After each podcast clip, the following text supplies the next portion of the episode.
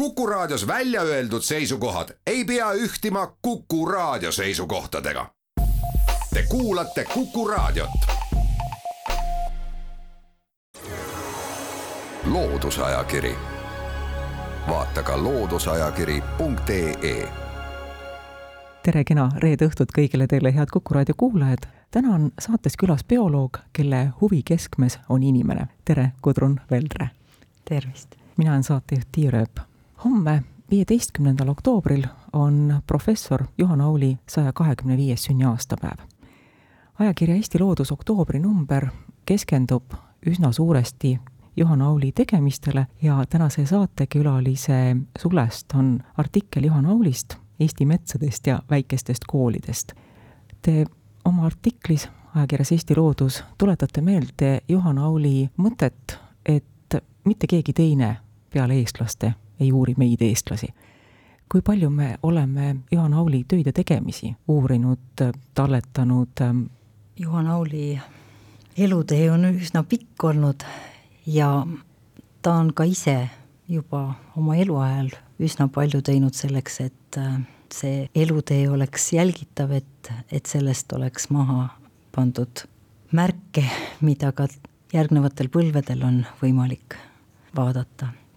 ja praktiliselt sellest ajast peale, kui ta on vaid meie mälestustes, üheksakümne neljandast aastast peale on ka peetud Juhan Auli päevi, mälestuspäevi, kus on tema töid loetud, nendest ülevaateid tehtud, aga võib öelda, et see töö on tegelikult jätkuv, et neid töid, mida ta on teinud, on juba tema nimistus üle kahesaja, aga see kirjandusnimestik ei ole ainus, peale nende tööde on ka veel Tartu Ülikooli raamatukogule antud käsikirjad ja mõned käsikirjalised tööd, nii et see pärand on nii suur, et seda on praktiliselt sellest üheksakümne neljandast aastast peale uurinud mitmed inimesed, aga kindlasti see jätkub veel.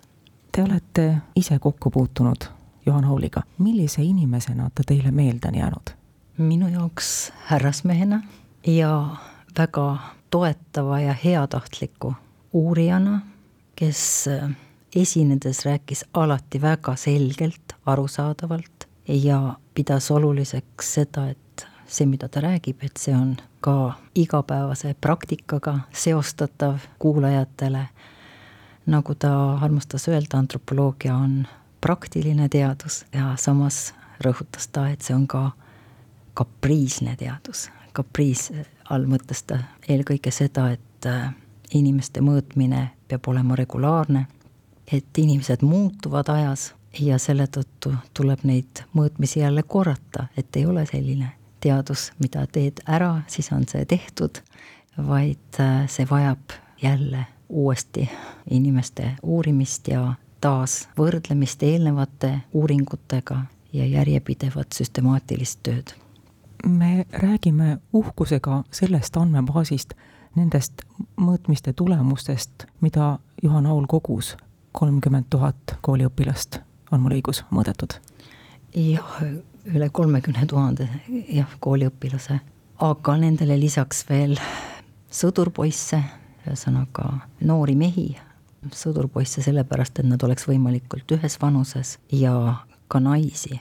see, et on mõõdetud nii naisi kui lapsi kui mehi, neid maid ei ole väga palju. naiste mõõtmine näiteks veel kahekümnenda sajandi alguses äh, oli ikka suhteliselt haruldane asi, et äh, antropoloogia või antropomeetrilised mõõtmised enamasti ikka tehti meestel, et see oli rohkem nagu meeste antropomeetria. ta siis äh, avaldati ja, ja eks need mõõtmised suuresti elavatel inimestel algasidki ikkagi sõdurite mõõtmisest, sest oli vaja teada, millised siis äh,, milliseid väkke võtta, millised nad on, mis riideid neile vaja on ja millist varustust, et äh, peale selle mitte iga mees ei kõlvanud, pidi ikka olema teatud pikkusega, et ta üldse sõjaväeteenistusse sobiks, et äh, eks selle tõttu siis need meeste mõõtmised ilmselt olid ka algselt olulisemad, aga hiljem siis saadi ka aru, et see keskkond, mis inimesi ümbritseb, mõjutab ka inimeste kasvu ja algselt siis olid arstid need, kes, kes hakkasid lapsi mõõtma, aga hiljem siis hakati neid kasvavate inimeste mõõtmisi, laste mõõtmisi tegema juba selleks, et aru saada, milline see kasvukeskkond ja kuidas see peegeldub kasvus ja inimese mõõtmetes plaanisin jutuga välja tüürida selle juurde, et meil on tõesti tohutu hea võimalus analüüsida neid andmeid, mida professor Aul kogus, aga nende andmete kogumisest on nii palju aastaid mööda läinud. inimesed, kes elavad Eestimaal, on ilmselt muutunud, sest elutingimused on muutunud. kas meil on tänapäevaseid võrdlusandmeid kogutud ja kui ei ole, siis miks? et me saaksime võrrelda neid andmeid, mida professor Aul kogus ja neid, mis tänapäeva inimesi kirjeldavad. meil on pikkuse ja kaalu andmeid, aga selliseid andmeid, nagu professor Aul kogus, et oleks meil antropomeetrilised andmed ja siis oleks veel ka antroposkoopilised andmed, kus oleks kõik kirjeldatud ähm, nii, nii silmavärvus kui juuste värvus ja, ja ka näoprofiil ja nii edasi. selliseid andmeid meil tegelikult sellisel kujul praeguste inimeste kohta ei ole. ideaalis oleks hea, kui eestlasi oleks mõõdetud iga kaheksa kuni kümne aasta tagant. nii nagu on seda näiteks Tšehhis suudetud teha, meil sellist äh, väga järjekindlat, järjepidevat mõõtmist ei ole tehtud, on tehtud erinevaid projekte, on andmed erinevas vanuses inimeste pikkuse ja kaalu kohta ja needki juba vajaksid tegelikult praegu uuendamist, sest viimastest täiskasvanute andmete mõõtmisest on juba ka rohkem kui kümme aastat möödas. pealegi on praegused inimesed varieeruvamad, see tähendab, et meil peaksid olema palju suuremad grupid, meil peaks olema palju rohkem neid inimesi, keda me suudame uurida, et sellest projektipõhisusest antud juhul jääb kindlasti väheks. peale selle on meil praegu võib-olla kõige suurem probleem see, et selliseid suuri populatsiooniuuringuid, nagu sai teha Aul, kus ta uuris nii antroposkoopilisi tunnuseid, vaadeldavaid tunnuseid kui antropomeetrilisi ehk mõõdetavaid tunnuseid, selliseid täpselt samasuguseid uuringuid ei ole meil kaasaja inimestel tehtud. ja mõnes mõttes on neid ka raske juba sellepärast teha, et äh, näiteks juuksevärv, kuidas uurida tänapäeva inimesel juuksevärvi, kui võimalused seda juuksevärvi muuta on nii, nii head tänapäeval kaasatakse inimesi andmete kogumisele. kas mõnda lihtsustatud antropoloogilist projekti oleks võimalik teha ka kui rahvateaduse projekti? sellisel juhul muidugi inimesed, kes võtavad osa sellest projektist, on, ongi juba üks valim teaduse seisukohalt. aga siiski me saaksime mingid andmed, me saaksime üle Eesti neid. kas see aitaks meid? see oleks üks väga hea võimalus inimeste enda initsiatiivi kasutada, me teame palju koole, kus, kus lapsed tunnevad huvi, kui pikad nad on võrreldes eelnevate põlvkondade lastega, kus on koolis tehtud uurimistöid, aga täpselt samamoodi võiks seda laiendada nii, et me saaksime ülevaate üldse Eesti inimeste pikkusest niiviisi, et nad ise mõõdavad. on olemas metoodika, mis võimaldab pikkust ja kaalu selliselt mõõta nii-öelda ka kodus. oleks võimalus kasutada näiteks elurikkuse andmebaasi selleks, et erinevates piirkondades ka inimesi uurida see kindlasti on selline asi, mille üle tasub tõsiselt mõelda ja, ja mille võiks, ma arvan, ellu viia. ütlesite, et tšehhid on iga kümne aasta tagant teinud selliseid uuringuid, kuidas neil see õnnestub? tšehhidel on see õnnestunud tänu õpetajate abile, nad on suutnud mobiliseerida õpetajate võrgustikku, leida sellised inimesed, kes aitavad mõõtmisel ja kuna need mõõtmised korraldatakse iga kümne aasta tagant äh, järjepidevalt, üheaegselt erinevates koolides, siis on neil üsna head andmed koolilaste pikkustest, kaaludest ja nendel on ka see programm natukene laiem, ei, ei piirdu ainult äh, pikkuse kaaluga, vaid seal neid tunnuseid on tunduvalt rohkem. et aga meie kooliõpetajad nagu on tead, on niigi koormatud ja neid on vähe, et, et ma ei tea, kas see meil tuleks kõne alla. kuigi, kes teab, hea tahtmise korral on kõik võimalik. kas on proovitud meie õpetajatele seda mõtet ette sööta? see võiks olla huvitav ja see võiks õpilastöödena ka võib-olla väljundit näha. Me teame, et on tegelikult palju koole, kus on õpilased teinud õpilastööna uurimistöid, kus nad on vaadanud oma kaaslaste pikkust, kaalu ja, ja teisi äh, antropoloogilisi tunnuseid.